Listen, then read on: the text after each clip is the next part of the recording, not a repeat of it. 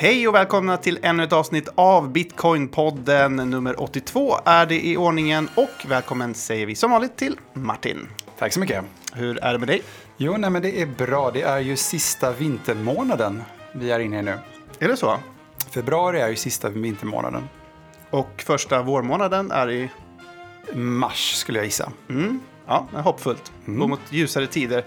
Eh, kanske på marknaderna också. Du, idag så gästas vi av Hugo Langén från den svenska kryptofonden Valid Alpha. Och han ska prata om kryptoarbitrage. Ja, och eh, vad det nu är ska vi också gå igenom i, i podden med honom. Men det är en väldigt eh, viktig funktion för marknaderna att ha eh, så kallad market maker som är inne och eh, bland annat bidrar med likviditet och kan stabilisera priser och liknande. Så att, eh, en viktig funktion som inte man alltid tänker på kanske. Nej, och intressant med en svensk kryptofond också. Absolut. Man säga. Eh, vi vill den här veckan även påminna om den rabattkod som Bitcoinpodden kan erbjuda på boksajten Consensus Network. Vad handlar det här om?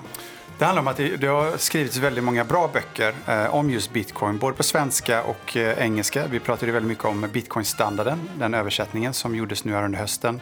Eh, det finns även en bok som heter eh, Bitcoin-anboken som, eh, som man kan köpa där.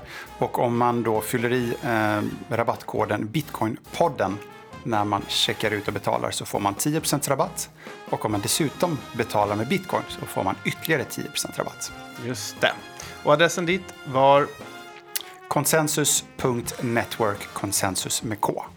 Som vanligt ska vi också säga att Bitcoinpodden den görs i samarbete med den svenska kryptobörsen Trio där man kan både köpa och sälja bitcoin, ethereum och litecoin på ett smidigt och säkert sätt. Så trio.se är adressen dit. Nu kör vi igång veckans avsnitt.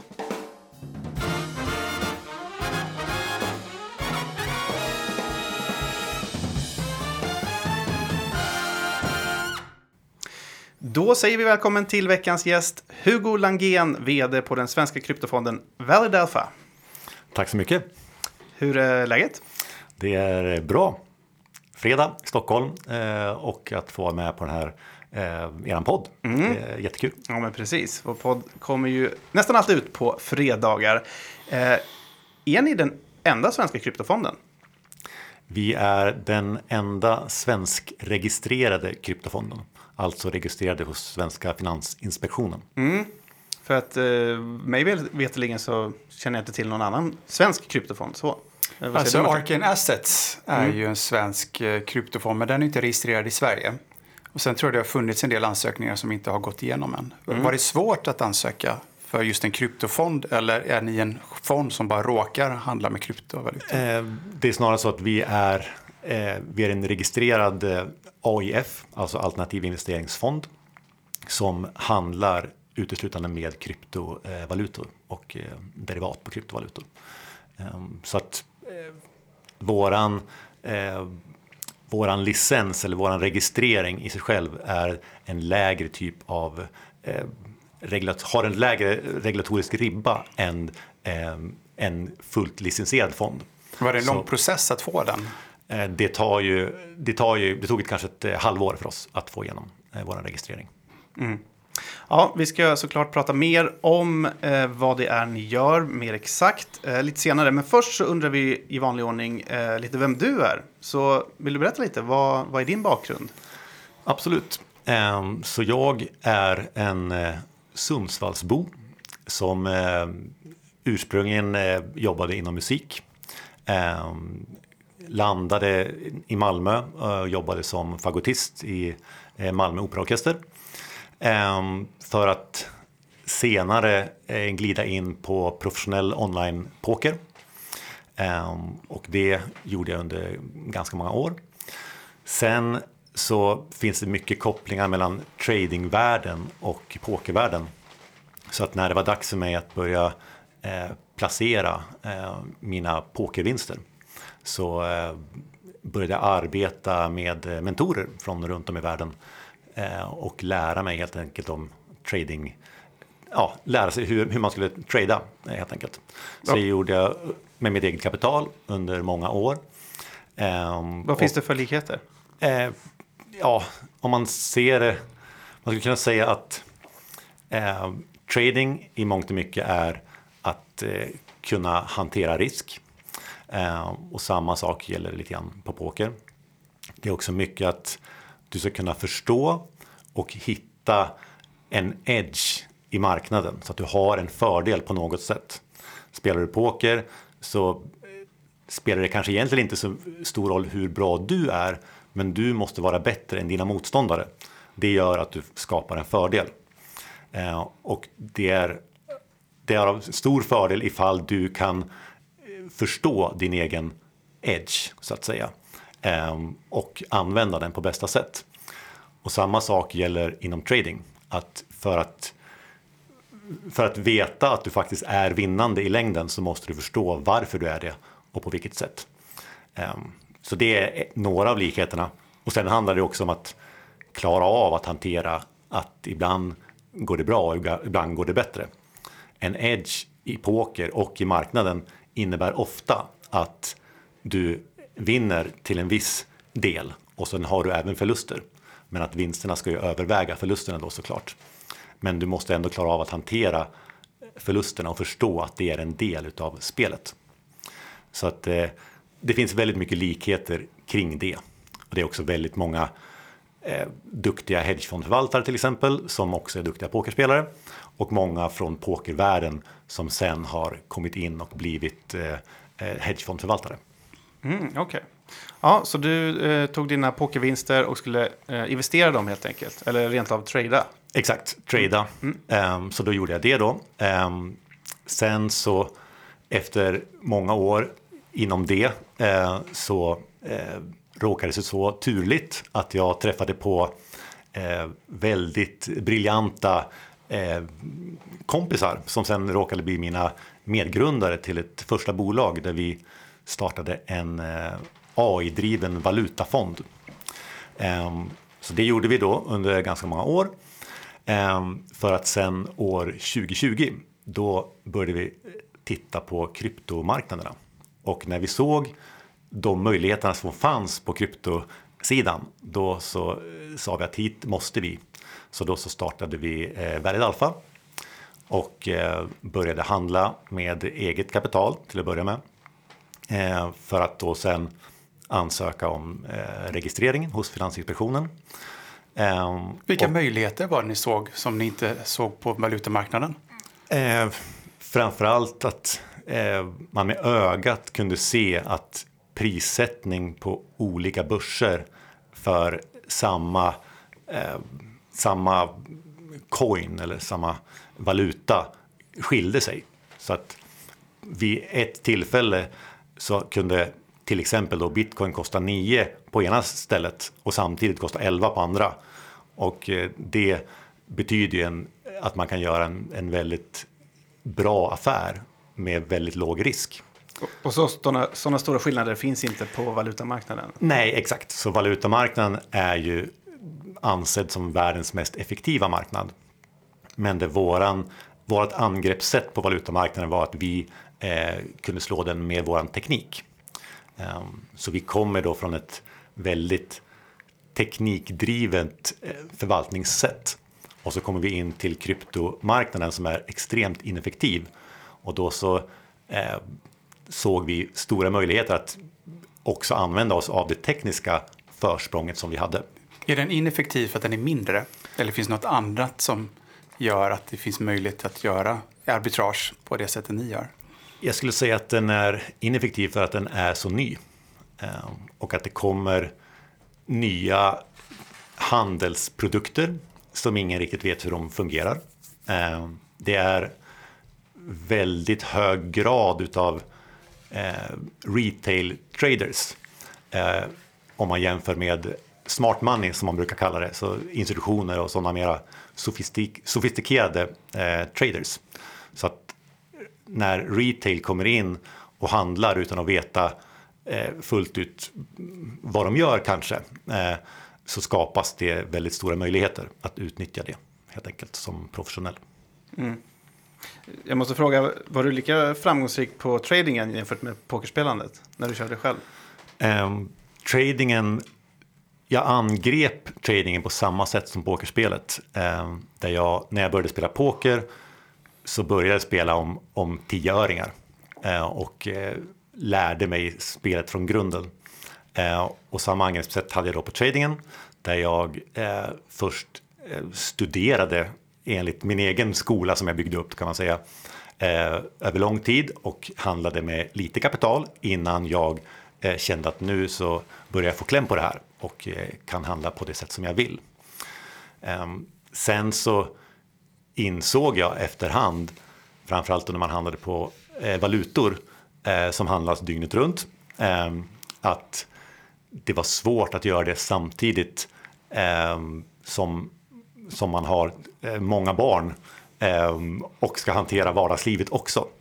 Så att jag såg en stor vinning i att, att teama upp med med andra människor som kunde bygga automatiserade system och smarta system så att man eh, helt enkelt kunde effektivisera handeln eh, mm. på ett bättre sätt. Men det var väl valutor främst som du var intresserad av? För hade du handlat aktier till exempel så stänger ju börsen vid en viss tid och är stängt på helger och sådär. Exakt, så jag började ju med att handla aktier.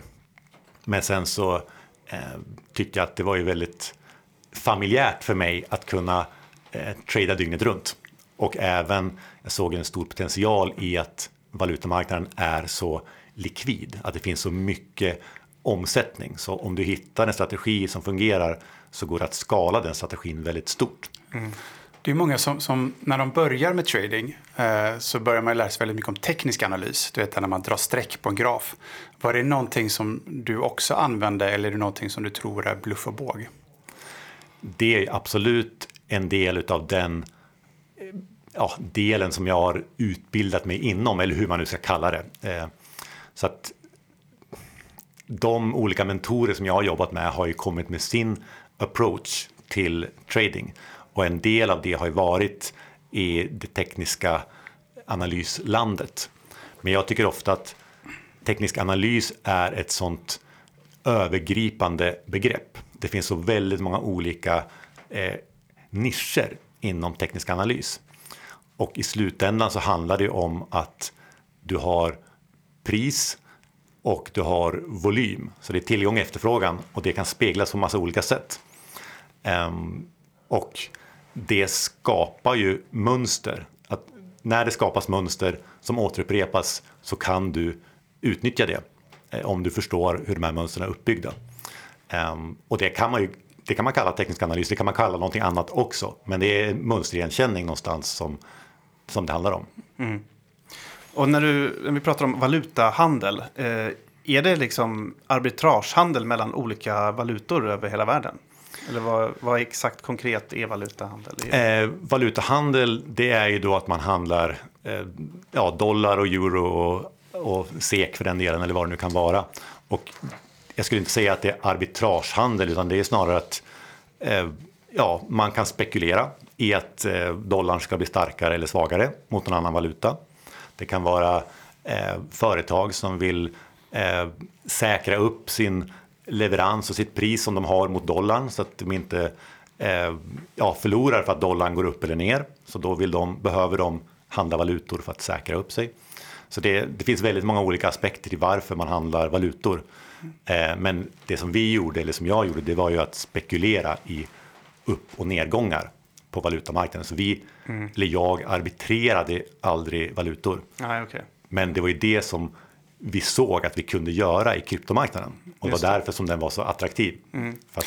Precis, så, så, nu har ni egentligen slutat helt med valutahandeln då, om jag förstått, och Exakt. kör 100% kryptoarbitrage. Och du förklarade lite att det var köp lågt, sälj högt egentligen. Men jag antar att det är lite mer komplext än, än så. Det finns väldigt många olika typer av arbitrage. Men det lättaste är ju att förklara att man köper, ja återigen, köper för 9 och samtidigt på ett annat ställe köper för 11. Och att om du säger att det är bitcoin så tycker man då att den borde ju vara värd lika mycket överallt. Och tids nog kommer den att vara värd lika mycket överallt. Så att då handlar det om en tillfällig fluktuation, att priserna har gått isär. Och då kan man, om man då är snabb och ser det och kan exekvera på den här prisskillnaden, när den sen kommer tillbaks till en jämvikt och det kostar 10 på båda ställena, då kan vi gå ur våran, våran position med en vinst. Helt enkelt. Så hur, hur lägger du egentligen in en sån trade om man bara ska gå ner liksom på nitty gritty? Hur, hur tjänar du pengar på en sån trade? Så då så ser vi i vårt system att eh, bitcoin, vi monitorerar då skillnaden eller spreaden som vi brukar kalla det. Att spreaden är då eh, den är stor. Det är liksom, man kan köpa den billigt och sälja den dyrt på ett annat ställe samtidigt. Så vi ser att spreaden är så pass stor så att vi kan gå in och göra en, en vinst här.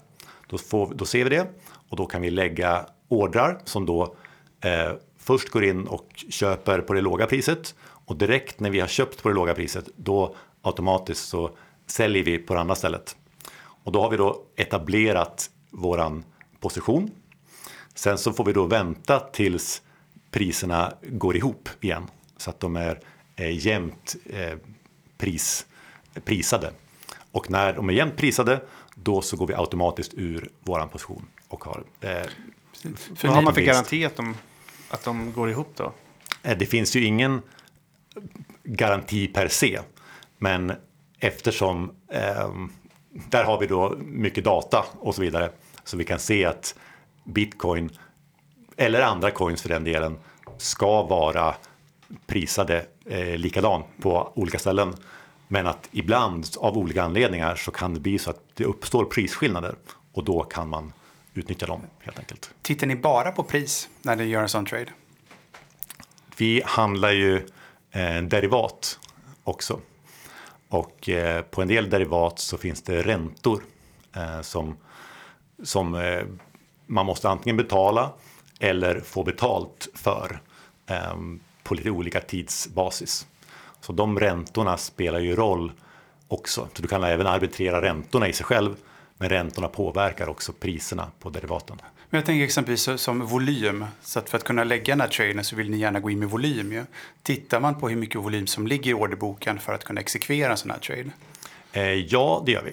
Så att när vi tittar på att det har uppstått ett, en prisskillnad som vi kan arbitrera, då vill vi först ta reda på varför har det blivit så här? Ehm, för ibland så kanske det kan, anledningen kanske kan vara att det ska ske en, en fork eh, någonstans eh, längre bort. Så att det, är, det skapar den här prisdifferensen.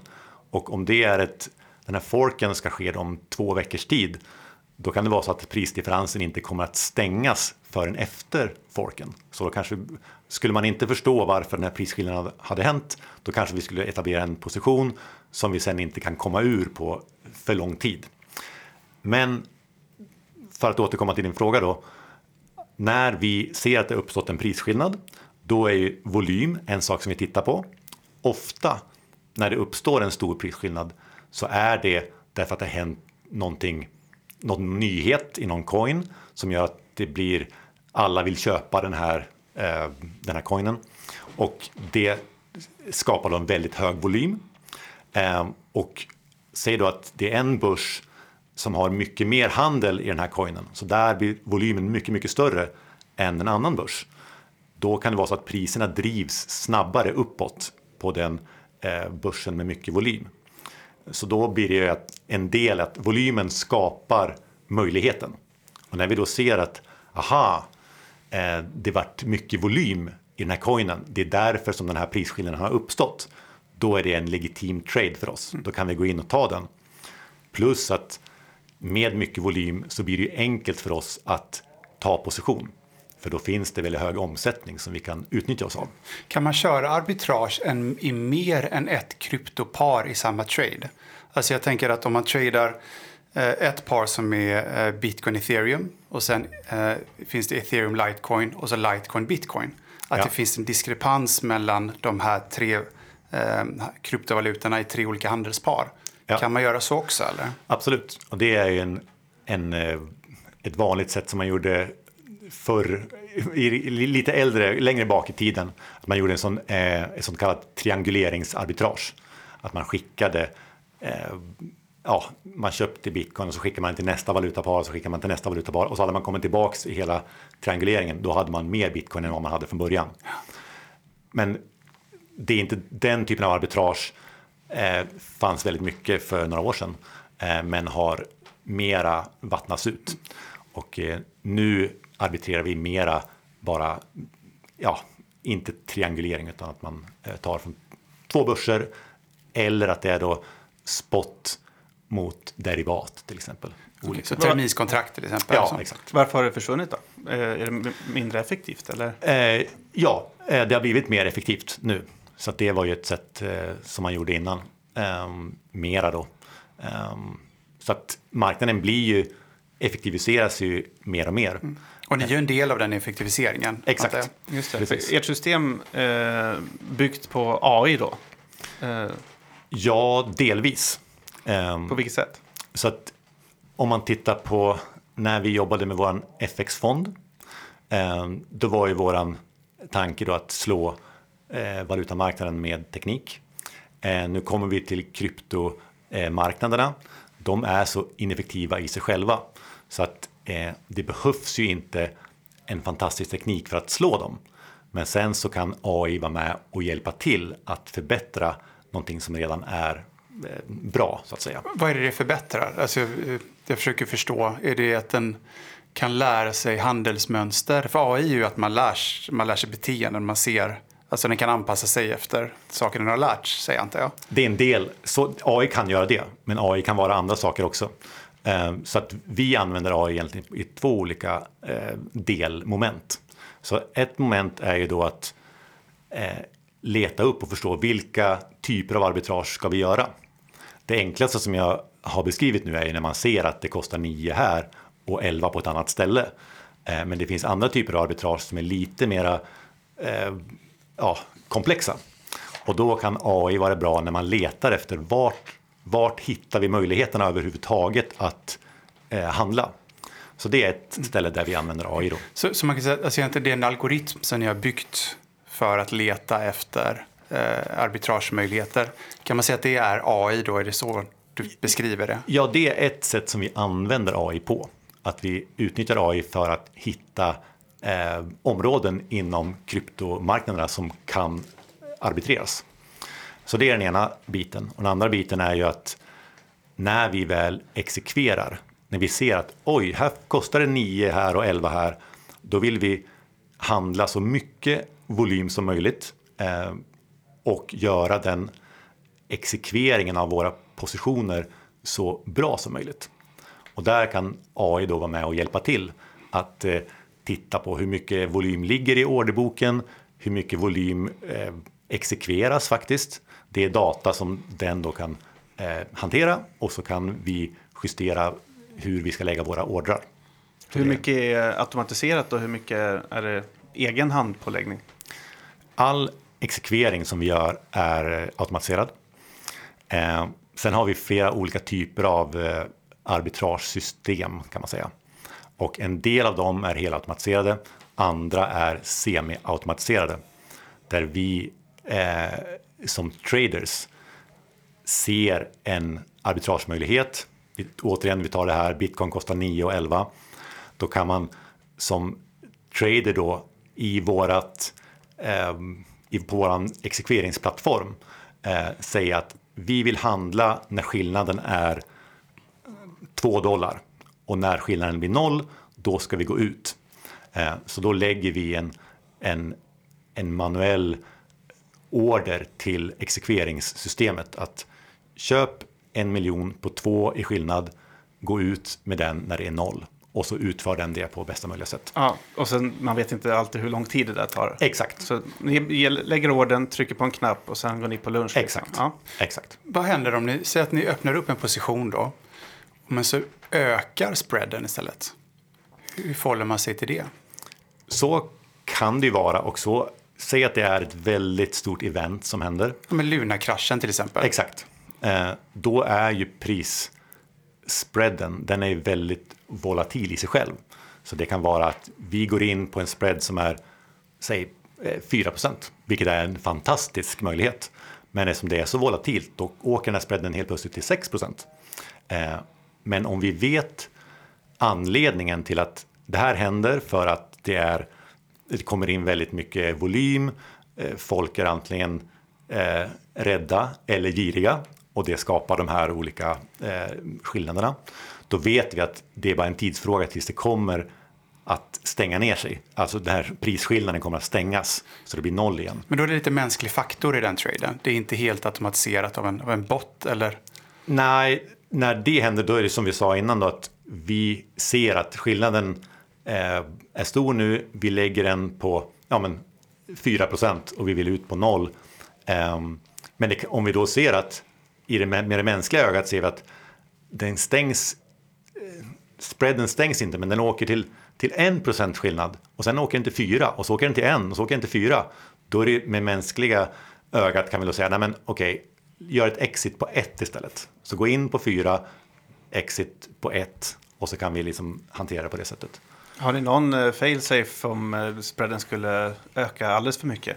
Alltså automatiserad sådan? Eh, ingen automatiserad sådan. Eh, vi har ju i vårt tradingsystem som innefattar då exekvering, det innefattar eh, allt vad gäller eh, monitorering, eh, spreadar, hur mycket hävstång som används, eh, hur mycket pengar vi har på olika börser eh, och även då monitorering av vår infrastruktur, att eh, alla servrar pratar med oss så att eh, vi ser att det fun systemet fungerar och så vidare.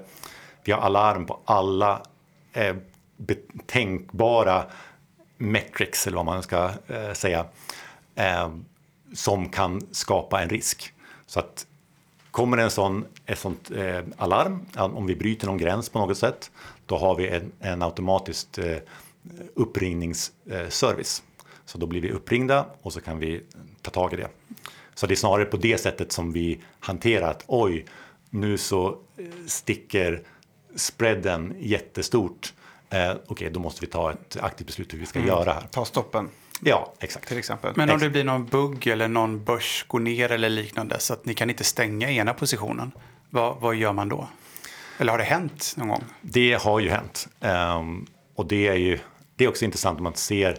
Vi har handlat i lite ja, drygt två år eh, på det här sättet.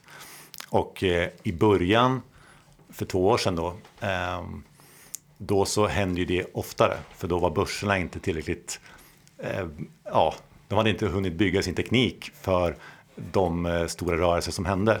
Och då kunde det hända att de gick ner och så kunde man inte få kontakt med dem. Ehm, men det har vi, vi, sättet som vi hanterar den risken på, det, det är på flera olika sätt. Att det är dels, vi har ju då vårt automatiserade handelssystem så att när vi ligger i positioner, då har vi alltid exit missions på. Ehm, så att vi är alltid beredda att gå ur eh, positionen som vi har. Ehm, så att när en sån börskrasch händer, eh, där potentiellt eh, API och sånt slutar fungera, då sker inte det på en sekund utan det börjar liksom bli mer och mer laggigt i systemet och liksom det börjar svaja hit och dit. Så det är en process tills det slutar funka. Så under den tiden så eh, kan våra system gå in och börja ta bort positioner. Ehm, och när vi då skalar ur positioner så betyder det att vi får mer likviditet på kontona. Så det, då skulle vi skulle det mot förmodan då helt stängas ner, eh, vilket kan hända och har hänt, då handlar det om att man ska, eller att vi ska ha så mycket likviditet eh, som vi sitter med så att vi kan hantera om priserna sticker åt något håll utan att vi kan eh, göra något. Vad, vad pratar vi om för volym på de här positionerna ni tar? Alltså, jag antar att det inte är tusen kronor liksom, som ni går in utan är det liksom hundratusentals kronor eller miljoner kronor för en trade? Um, en trade, det beror på hur man räknar vad en trade är. Um, vi har ju, om vi ser då att, återigen vi tar här exemplet bitcoin 9 och 11, då kan man se det som en, en tradingmöjlighet. Men varje trade som vi tar när vi räknar trades, det är egentligen att eh, varje exekvering. Vi gör jätte, jättemånga exekveringar. Um, är det positioner? Det är ett bättre ord. Ja, precis. Hur många, så det är egentligen ett, ett, en, en, en tradingmöjlighet så att säga. Det är ju en sån stort event, så det är en tradingmöjlighet. Men vi, vi brukar handla på en, en väldigt intensiv dag där det hänt något eh, galet. Då kan vi ta upp till 50 000, eh, eh, 50 000 eh, trades, eller vi exekverar 50 000 eh, ja, individuella positioner ja. kan man säga. Eh, och vi brukar handla i ja, men 30 olika coins kontinuerligt. Så vi kan ligga i 30, 30 coins en dag. Så att det blir ju det blir väldigt mycket trades helt enkelt. Och varje, varje liten trade kan vara liten i sig själv, men vi bygger upp stora positioner. Och sen så handlar vi då med hävstång eftersom vi eh, handlar derivat. Så det är en del utav, eh, utav strategin. Men vi håller eh, hävstången under väldigt eh, strikt kontroll. Eh, så att det är så som vi jobbar helt enkelt. Hur drabbades ni av eh, FTX-kraschen? Eh, så vi hade pengar på FTX. Ehm, och det har ju egentligen blivit ehm, en fråga om hur, man, hur vi hanterar det i efterhand, efter att det har hänt. Då blir det så många olika moment som, ehm, som man måste agera inom. Mm. Så en första del är ju att kommunicera med eh, våra investerare. Att eh, vad är det som har hänt och vara transparent i hela den processen. Eh, och sen blir det ju att eh, hantera den. I och med FTX-eventet så skapade det ett väldigt hög motpartsrisk på, på hel, inom hela industrin egentligen. Så att eh, då var det en fråga om vill vi handla överhuvudtaget nu när det är så mycket osäkerhet i marknaden? Ja, för det var mycket rykten överallt om att Binance också liksom kunde Exakt. ryckas med. Mm. För att, Men jag vill bara fråga angående FTX. Lyckades ni eh, vad ska man säga, stänga positionen? Du sa att det, det är inte svartvitt utan det laggar lite och sådär. Och, och, när ni upptäcker det då börjar ni liksom ta er ur eh, positionerna. Var, var det så? Ja, så vi, vi hann ju stänga våra positioner. Mm. Men vi ligger ju alltid med pengar på handelsplatser för att vara beredd att handla när det uppstår lägen. Så att vi, vi fastnade med kapital på FTX som inte låg i någon position. Um, för att uh, ja, det är så som vi handlar helt enkelt. Ja, just det. Um, för att förstå då lite hur den här, det som hände med FTX. Hur, hur många börser handlar ni på under sam, så er strategi, era strategier? Så vi har ju vi har byggt eh, och ombordat och handlat på eh, fem stycken olika börser hittills. Men sen efter tidens gång, nu är FTX borta. Eh, Binance handlade vi mycket på i början. Sen så ansökte de om en, en svensk licens hos FI. Och, registrering är det väl om man ska vara... Ja, för det är skillnad på registrering och licens. Ja, precis. Och de, de sökte inte som ett fondbolag som Nej. vi gjorde. Utan de söker ju som en, som en börsaktör. Mm. och de har ju nu fått igenom en licens för spothandel. Men de har fortfarande inte fått igenom en licens om derivathandel. Um, och eftersom vi handlar derivat och de då ansöker om derivatlicens, då får vi som svensk aktör inte handla på Binance. Så det gjorde att när de började sin ansökan, då så fick vi sluta handla på Binance. Um, och på samma sätt Eh, efter FTX så skapades det sån, eh, ja, som vi sa, att det var liksom mycket rykten om vilka eh, börser kan man handla på och så vidare. Så vissa, någon börs som vi har handlat på fram till FTX, den har vi nu inte handlat på efter det för att det är för mycket rykten och för mycket risk. Ja, hur ska man värdera vilka börser man kan så att säga lita på? Jag menar, vissa ansåg ju FTX vara tier one börs liksom. Alltså verkligen. de bästa i världen, bland de bästa. Ja, alltså verkligen. Mm. Um, och där sättet som, som vi agerar och har agerat på är ju att, ja, men att man pratar med andra inom industrin. Man tittar på vilka det är som Eh, gått in och är ägare på de här börserna så där var ju återigen FTX. Om Blackrock går in och är ägare så är det en väldigt, i, normala fall är det en väldigt bra stämpel på att, någon, att det står rätt till. Eh, nu var det ju inte så ändå i alla fall då. Men, ehm, men i övrigt så är det ju mycket, handlar om att eh, göra så gott man kan i att göra DD på de här börserna. Så vi pratar med alla börser som vi handlar på. Mm. Eh, man undersöker vilken volym de har. För då kan man ju egentligen se att har de ett hälsosamt flöde, vilket borde skapa en, en intäkt för bolaget som gör att de kan leva. Så det är en, en aspekt. Men med hälsosamt flöde menar du att det är mycket volym? Ja, precis. Kollar ni på proof of uh, reserves?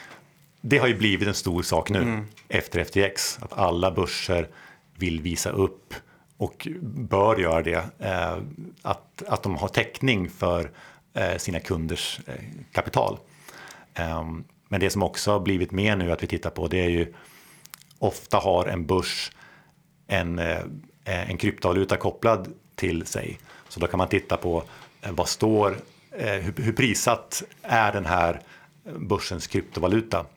Så man såg ju FTT som då var eh, FTX kryptovaluta, den sjönk ner till noll och så var det ett jättestort problem. Men var inte den lite proppad av FTX själva? Precis. Jag. Det... Precis, men den var ju då en indikation på vad som var på väg. Så att det är en bra datapunkt att ta med sig när man utvärderar börser.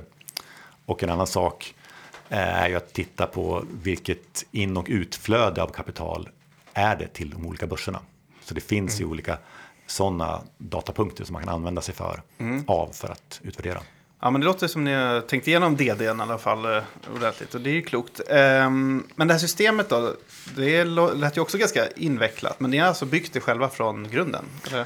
Precis, um, så att vi är ju ett team där jag, jag har min tradingbakgrund, sen har jag mina två medgrundare som är ju, eh, ja men de är ju techgenier som eh, är väldigt duktiga på, på, på den aspekten. Att, eh, att bygga stabila och eh, smarta system. Helt enkelt. Eh, där vi då har, som jag sa, exekveringssystemet. Vi har eh, monitoreringssystemet. Eh, och eh, alla de här systemen eller plattformarna man kan säga, de blir ju våran, våran tekniska plattform liksom, i det stora hela. Mm. Eh, så det har vi byggt, allt det har vi byggt själv. Men fungerar det helt 100% eller finns det buggar och så? Eller? När vi, eh, när vi handlar eh, så gör vi det i, en, i, liksom ett, i stadier. Så att när vi börjar på en ny börs till exempel, då gör vi det i en testmiljö först. Och i testmiljön så är det ju såklart buggar. För det är därför vi är i testmiljön och hittar alla problem som kan uppstå. Eh, sen börjar vi handla med lite pengar för att se att det verkligen fungerar. Och sen när vi ser att det, allt går bra, då så skalar vi upp. Så att det är under väldigt kontrollerade former. Mm. Um, och sen så kan det ju vara så att börsers API förändras. Och uh, att de uppdaterar sina API. Ehm, och då betyder det att vi kan börja få felmeddelanden. Och då måste vi ju vara med och justera det. Ja, just det. Så det är ett levande materia. Det sker löpande? Ja, ja, precis. Det är, ja. det är det som är en del av själva arbetet förstår jag. Exakt. Eh, och ni har kört det här sedan 2020? Eh, ja, precis. Hur mycket har ni gått med vinst sedan ni startade? Så vi började handla eh, eget kapital då. Eh, då handlade vi från eh, november 2020 eh, till december 2021. Och det ja, det var ju väldigt hög avkastning som vi hade på det kapitalet. Um, alltså runt 200 procent um, med i princip inga uh, drawdowns. Sen startade vi fonden i ehm, februari 2021 um, och fram till FTX så hade vi uh, en stabil avkastning på med inga negativa månader uh, som vi landade på lite drygt 11 procent i net ut för investerare. Om man jämför med vad ni brukar göra på valutamarknaden? Nej, det går inte att jämföra. Nej. Det, är, det är så mycket bättre. Uh, och framförallt är ju riskhanteringen, eller hur man nu ska säga, att, att, ta, um, att ta en arbitrage-trade uh, jämfört med att du tar en trade där du predikterar pris. Det är så ja, risk, risksidan är så mycket lägre i en arbitrage-trade. För det, det är vad man kallar för market neutral. Jag vet inte om det finns något svenskt. Marknadsneutral. Jag vet, Exakt. Säger ni det på jobbet? Marknadsneutral? Ja, vi pratar ju mest engelska så därför är det lätt att man glider in det i svengelska. Eh, Men marknadsneutral kan ju också vara att man predikterar både kort och lång. Eh, Att man är, man har ingen, liksom, det spelar ingen roll om marknaden går upp eller ner, vi ska fortfarande kunna göra pengar. Men för våran del så, så, så ska vi i princip aldrig förlora på, på våra trades. Och, och det spelar verkligen ingen roll om, om bitcoin eller andra coins åker upp eller ner. Är det många som är nyfikna på, på vad ni gör då? Ja, det skulle jag säga. Um, framför allt, vi är ju då, ehm, ja, i och med den här, um, vårat tillstånd från FI, ehm, Ehm, så vänder vi oss bara mot professionella investerare. Och det är de eh, som visar stort intresse för det, eh, det som vi har att erbjuda. Och eh, vi ser framför allt stort intresse från fond i fonder. Så ehm, fonder som, som redan är i krypto men som vill egentligen erbjuda sina investerare en, en lättare väg in i krypto. Ehm, då vill de bygga upp en palett med kryptofonder där våran marknadsneutrala arbitragestrategi är ofta en del av en sån fond i fond eh, portfölj. Så där ser vi väldigt stort intresse. Och sen så ser vi också rent generellt att den institutionella scenen, eh, ja, om man tittar mycket London, eh, Schweiz, eh, ja, Asien, Singapore mycket och så där också, den växer väldigt starkt. Eh, och när institutionerna vill in så vill de ofta eh, ha någonting som är stabilt. Eh, och där kommer marknadsneutralitet in. Så att i- ur, det, ur den aspekten så är en sån strategi som vi har väldigt attraktiv. Så det är inte svårt att hitta nya investerare? Då? Nej, vi, vi får ju inte marknadsföra oss, men eftersom vi utomlands då med våran ehm, eh, registrering här, men eftersom vi då finns på databaser eh, som, som täcker kryptofonder och har legat i topp vad gäller resultat, så blir det att de kommer till oss. Ehm, Så framgång föder framgång. ja, ganska lätt eh, sagt så är det så. Framgång föder nya investerare. Exakt. Ja. Vad har ni för utmaningar i er verksamhet då? Skulle du säga? Um, en utmaning som, som är en rolig och spännande utmaning, det är ju att marknaderna rör sig så snabbt. Um, och att, ja, lite som vi har sagt, då, att arbitrage finns ju för att det är en ny marknad som inte har liksom hunnit mogna tillräckligt än. Um, och det gör att en del av de här eh, tradesen som vi ser som är väldigt bra, de kan försvinna över tid. Som vi pratar om den här trianguleringen till exempel. Den fanns förut, nu är den borta. Så att en utmaning är ju då att hela tiden ligga ett steg före och eh, eh, tänka sig att det som vi har, det som vi bygger våran eh, profit på just nu, det kanske försvinner om, om en tid framöver. Då gäller det att hitta något nytt. Exakt. Och smida medan järnet är varmt. Exakt, så det är ju en utmaning som också är rolig. Och i den fåran så har vi då till exempel, apropå roligt, så har vi samarbeten med eh, eh universitet. Så vi har nära samarbete med Lunds universitet som vi har haft sedan många, många år. Eh, där vi eh, egentligen, vi kommer på projekt att forska på. eh, och eh, tillsammans så ansöker vi då om, ehm, om anslag för de här forskningsprojekten. Eh, de här forskarna där. Ehm, och på övriga universitet eh, utöver, utöver Lund så finns det även andra med i de här projekten. Men då bygger de egentligen eh, strategier och så kan vi testa dem på vår sida. Eh, och när vi ser vad som funkar och inte så kan vi ge forskarna feedback och så blir det en väldigt eh, interaktiv loop mellan akademi och eh, eh, oss då, som är näringsliv eller vad man ska kalla det. Och det är ju fantastiskt kul helt enkelt och en utmaning. Men liksom, det hänger ihop.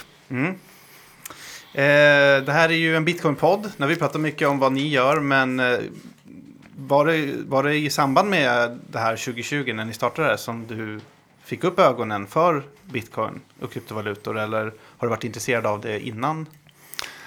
Det första som jag kom i kontakt med Bitcoin, det var egentligen inom pokervärlden. När jag slutade med poker, ehm, då var det så att många eh, av, av de som spelade med höga insatser, de brukade eh, spela online, eh, men sen så, eh, så settlade de att de, de liksom betalade varandra efterhand i, i bitcoin. Så att det var, det var väldigt många av dem som jag liksom spelade poker med som kom in i, i, genom, i bitcoin och i kryptovärlden. Så bitcoin var en stor del, eller blev en stor del av poker-communityn. Eh, jag var precis på väg ut där, men det var min första kontakt. så. Och jag, jag, jag var liksom, när jag försvann ut så hann jag inte riktigt greppa det, så jag, jag kom inte riktigt in. Eh, sen så har man ju följt bitcoin, jag har följt bitcoin eftersom det är en sån intressant, intressant fenomen. Ehm, jag skulle inte säga att jag är insatt i, i liksom alla allting bakomliggande utan jag har mer följt det ur ett marknadsperspektiv och en, mm. ur en mm. traders perspektiv. Mm. Inte kanske den ideologiska fundamentala aspekten att bitcoin som ett alternativ till nuvarande finanssystem eh, och så vidare. Nej, exakt. Ehm, även om jag personligen kan tycka att det är tilltalande att det kan finnas någonting annat. Jag kan ju förstå hela den logiken.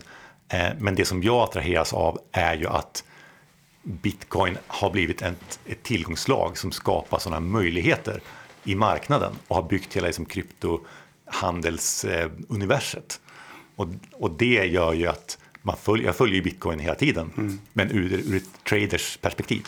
Jag satt här och tänkte för mig själv att jag hade aldrig kunnat bli en, en trader för att jag hatar att sälja bitcoin. det måste man göra i en sån här värld. Så att, mm. Du skulle ja. kunna sälja någon shitcoin i och för sig. Ja, men då måste du köpa den första början. Och det, och det vill du inte heller göra. Nej, moment 22 där. Mm. Ja. Ja, men väldigt intressant. Eh, vi kan väl stanna där kanske. Eh, Hugo Langén, vd på den svenska kryptofonden Valid Alpha. Eh, stort tack för att du gästade oss idag. Tack för att vi fick komma. Och stort tack också till dig som lyssnar. Bitcoinpodden den görs ju i samarbete med den svenska kryptobörsen Trio. Hur hittar man dit Martin? Ja, man går till trio.se och vill man skapa ett konto och komma igång så loggar man helt enkelt in med mobilt bank-id bara så är man igång direkt. Och man kan sätta in pengar direkt också med hjälp av Trustly. Så det går att komma igång på ungefär 2-3 minuter.